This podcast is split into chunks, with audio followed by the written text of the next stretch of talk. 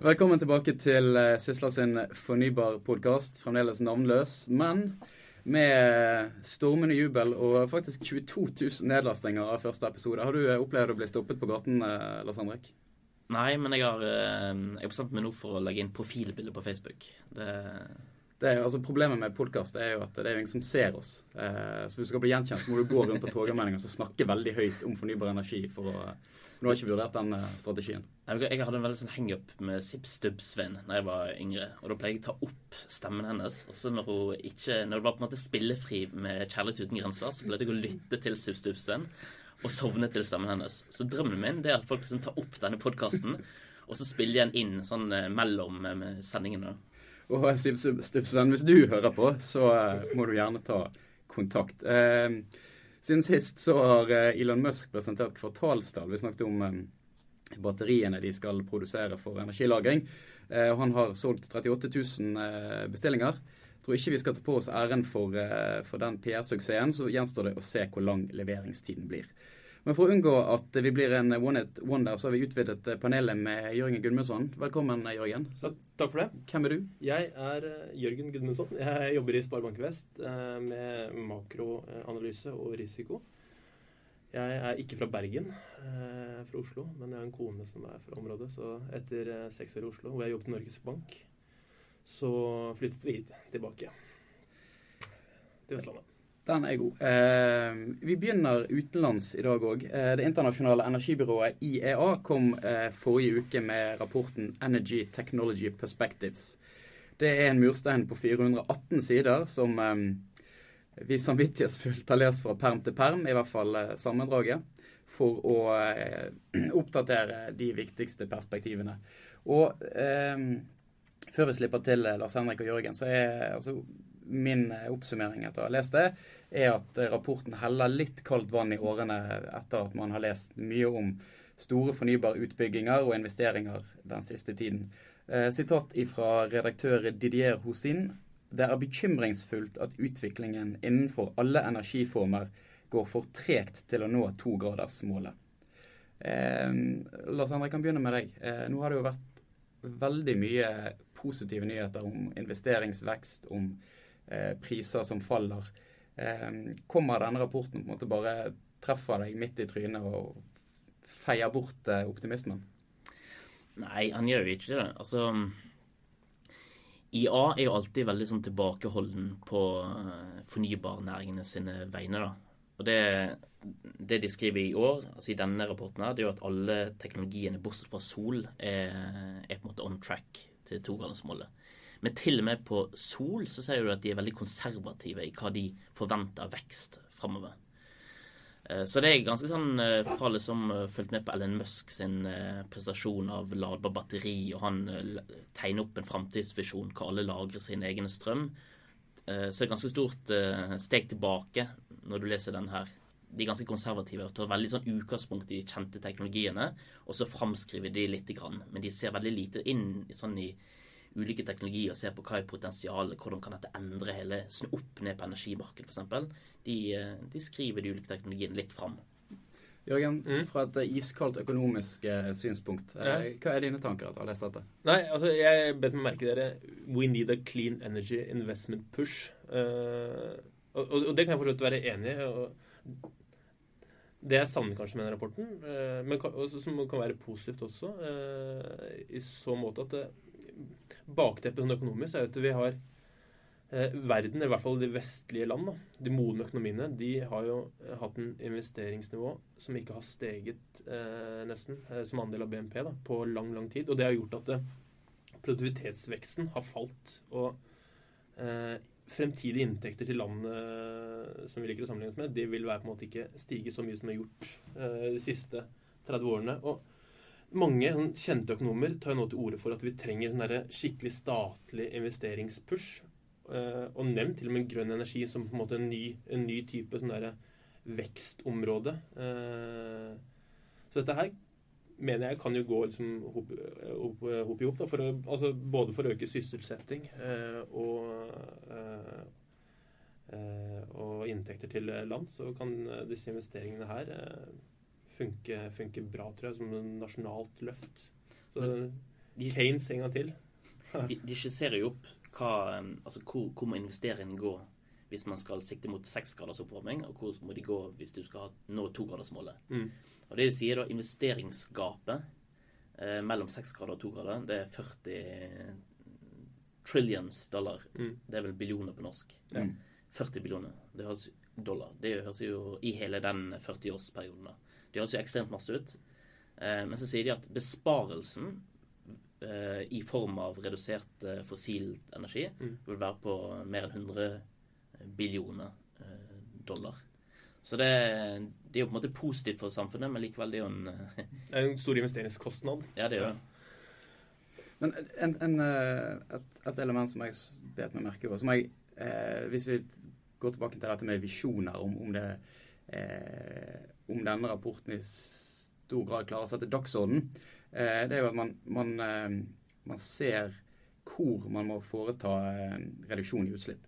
Og da er det jo innenfor energiproduksjon at fornybar energi spiller en stor rolle. Og så har man andre sektorer som transport og hus og bygg, der, der er det viktigere å effektivisere energibruken.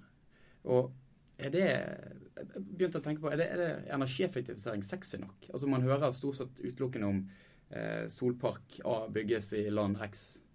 Um, eller land B burde det sikkert vært, hvis jeg skulle klare å bruke bokstavene rett. Men eh, narrativet om eh, energiomveltningen for mye knyttet til produksjon av nye energiformer med som vi nevner, altså høye produksjonskostnader og um, Ja.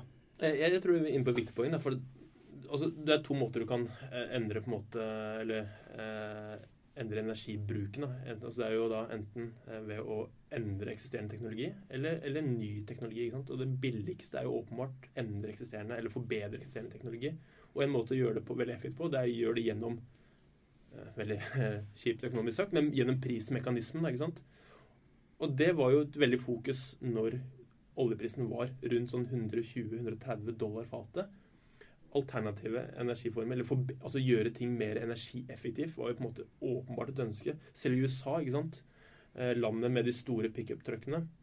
Der ønsker man nå på en måte å ha gjøre de, altså, Og det er jo alle bilselskapene var jo veldig fokus på å gjøre det mer energieffektive. Det er kun nå, etter at oljeprisen har halvert seg, at man har sett et oppsving i store energikrevende kjøretøy. Eh, så det er åpenbart at Og, det man kan gjøre, da man, altså, man kan jo ta vekk subsidier på eh, de land som har subsidier på oljepris, eller bensinprisene. Det er en måte å gjøre det på. Man kan sette på skatter. eh, til, altså rettet mot forbrukere, eller skatter mot produsentene. ikke sant? Forurenseren betaler. Sånne klassiske, enkle grep som kan gjøre som gjør, det på en måte pengemessig eh, å intensivere Eller insentiver til å, å, til, til å produsere mer miljøvennlige eller mer effektive, miljøeffektive biler. Da. Altså det, det som er, er veldig fascinerende med disse blekkene fra IA, da, det er at de, de gir veldig sånn bra sånn faktagrunnlag. Mm. Så selv om måte, man jobber med dette daglig, så du, får du veldig mange sånn aha-opplevelser. F.eks. at 40% av uh, total energiforbruket det går til oppvarming og nedkjøling av bygg og industri. Så, så, så det sier seg sjøl at gevinsten av å på en måte gjøre bygg og industri mer energigjerrige, den er jo enorm. Og du bør jo være langt billigere enn å på en måte bare fyre på med enda mer eh, energibygging. Men det er nok men det er jo mindre synlig, da. Altså, eh, Noen lister rundt eh, vinduskarmen det, det har kanskje en effekt, men det, det er mindre synlig enn en solcellepanel og vindmølle som står og blafrer i vinden. Så jeg, jeg tror nok det har et image-problem med, energieffektivisering. Lister er ikke så sexy som solcellepanel? Nei, rett, rett og slett. Og så er kanskje Ja. Det er ikke så lett å ta i og bli glad i som sol. Så sol. En annen som sikkert er enklere å ta og bli glad i, det er Yngve Slyngstad i eh, Statens pensjonsfond utland. Eh, Forrige mandag så var det høring om eh, forvaltningen av oljefondet. Der sier Slyngstad at de nå har sendt brev til våre største selskaper innen kraftforsyning. Vi etterspør en strategi og en tidslinje for å fase ut kull av kraftproduksjon. Eh, og de etterspør òg en strategi for overgang til lavkarbonenergisystem. energisystem. Vi har også tatt opp spørsmål om å skille kullvirksomheten ut av selskapene, eh, sa Slyngstad i den høringen. Og eh, Jørgen, Mm. med din bakgrunn fra, fra Norges Bank, eh, er dette en akselerering av eh, oljefondets eh, si, energipolitikk? Ja, det kan på en måte være også, men jeg tror også eh, altså Det er jo Finansdepartementet som setter på en måte eh, de strategiske føringene for oljefondet. så det er på en måte, De er jo da operatøren, ikke sant? så de investerer jo i det universet de på en måte er tildelt. Men de har jo lansert en sånn klimaendringsstrategi hvor de har nevnt tre sånne prinsipper. Da, hvor du nevner, altså, og da spør de jo nettopp om det, eller sier nettopp det de eh, spør om, at de skal be selskaper eh, komme altså, Be selskapet beskrive hvordan de eller ta hensyn til klimaendringer i sine investeringsplanlegging. Og så er det hvordan, hvordan, klimaendringer påvirker risikoen i selskapet. Altså ta hensyn til det, intern risiko. Og så er det hvordan de rapporterer eh, materielle klimaendringer eller risiko for klimaendringer og, og, og utslipp. Så det er en strategi som de på en måte sier at de skal følge. Og så sier, er de også opptatt av at eh, For de, er jo minoritetseiere i mange selskaper. Eh, og de stemmer eh, på alle generalforsamlinger. Stemmer på kjempemange generalforsamlinger. Og nå har de også, eh, for å gjøre den strategien tydeligere, tenkt til å være eh, åpne om hva de kommer til å stemme før de stemmer det. For å gi, som et signal til at det er hva vi er opptatt av. da. Men jeg, tenker at når man da sender brev da, mm. til eh, til energigigant ute i Europa sant, som har en tung fossilportefølje, eller kanskje mm. kull. Mm. Så tenker jeg at når de da signaliserer at vi som eier er interessert i at dere reduserer andel av kull i deres portefølje, så tenker jeg at da vil det være veldig effektivt da, å ha et sånn uttrekkstrussel i bakhånd.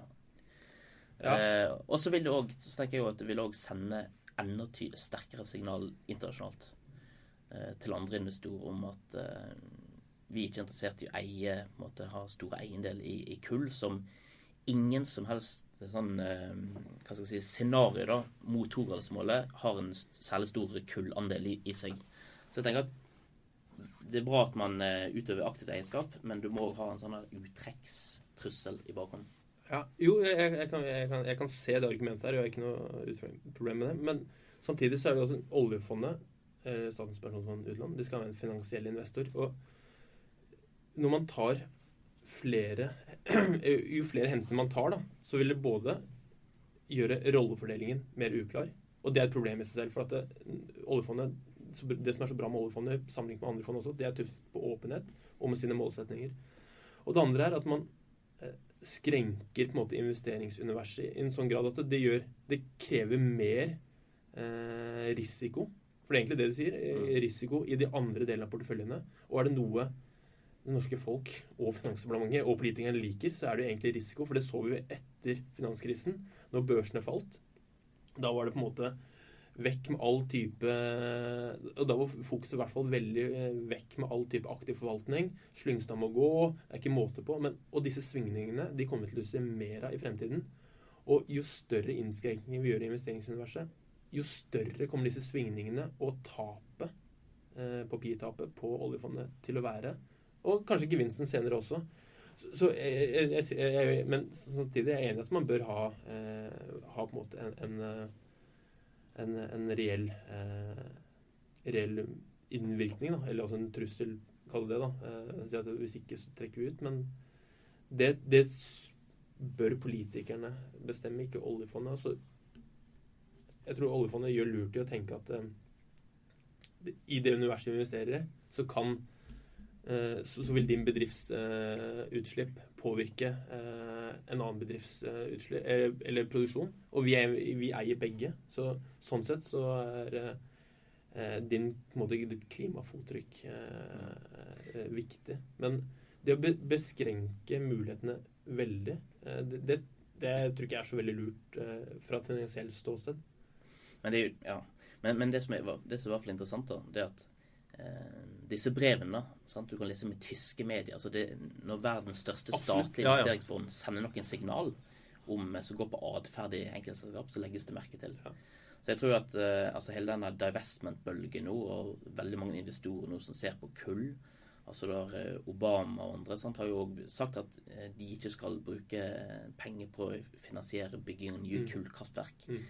Uh, og alt dette er på en måte går inn i den liksom samme historien om at Verden står foran en alvorlig klimakrise, og de store pengestrømmene må på en måte jobbe på lag med klimamålene. Absolutt. Og, og det er et veldig viktig poeng da, på måte, med denne divestment-bølgen. At du får eh, når viktige aktører eh, som oljefondet er altså De er globalt kjempeviktige. Folk ser på dem med deres åpenhet. tenker at Hvis ikke de investerer i det, så er det lurt at ikke jeg investerer i det heller. For det her, dette vil presse ned aksjeverdien, avkastningen til, eh, og lønnsomheten til disse kullselskapene. Og gjøre alternative eh, investeringer mer lønnsomme. Da. Og hvis det er sånn at de er går langt eller er positive på, eh, på, på andre energimåter, eh, og- eller investerer i andre energiområder, så vil da selvfølgelig andre selskaper eh, og andre investeringsfond følge oljefondet eh, som en en, som en eh, bjellesau. da. Mm. Eh, og investere der, de også. Øke avkastningen, øke lønnsomheten i disse selskapene. Så det kan, altså du kan få en sånn snøballeffekt. da. Men det, det- tror jeg er veldig fint. Men, men det er også, hvis du skulle liksom gå tilbake til den IA-saken, da, som en av konklusjonene er at skal du nå togradersmålet, så må du øke investeringen i fornybar. Mm. Og man vet jo at veldig mange, altså veldig mange prosjekter innen fornybar de finnes i det unoterte markedet. Ja. Og der har ikke oljefondet i dag lov til å eh, Nei. investere. Men det vil de jo, ikke sant? Ja, de de vil det. Mm. Så, det, så det tenker jeg at sånn, ut fra sånn klimaperspektiv så tenker jeg at det er kanskje det aller aller, aller viktigste Stortinget gjør. Det er at man utvider investeringsuniverset til å gjelde unoterte aksjer innenfor eh, infrastruktur og fornybar produksjon eh, osv. Ja, og, og det tror jeg også er eh, viktig også fra finansielt ståsted. Det å kunne rett og slett spre risiko, det krever mye fra, fra, fra, fra forvalterne. Det det må mye mer struktur og aktiv forvaltning til. Utfordringen var jo at Dagens Næringsliv lagde en stor sak om uh, oljefondets første uh, unoterte Eller det- pre-børssak, da. Det var jo Formel 1. Mm. Kjempe, kjempesak, ikke sant? Endte med rettssak og Var det da du flyttet til Bergen? det var da jeg ble til Bergen. Nei, jeg, jeg har heldigvis ikke jobbet i oljefondet, jeg har jobbet med pengepolitikk. Da, at, men uh, men eh, vi har- jo DN i Norges Bank også, så det var jo morsom lesing sånn sett. Men eh, Og med den eh, skamløse eh, annonseringen av en eh, konkurrerende avis, så eh, får vi se om Jørgen blir invitert tilbake igjen flere ganger. Det er ikke bare Yngve Slyngstad som kan skrive brev, det kan du òg. Eller et såkalt skjermbrev dersom du har lyst til å tipse oss om tema vi bør diskutere, eller eh, navneforslag, i og med at alle forslagene vi kom inn, som kom inn i forrige uke, òg ligner på tyske elektronikerband, så eh, prøver vi en uke til. Da kan du uansett eh, sende det du har på hjertet til martinalfakrøllsysla.no. Og husk at du òg finner denne podkasten på Sysla sin iTunes-konto.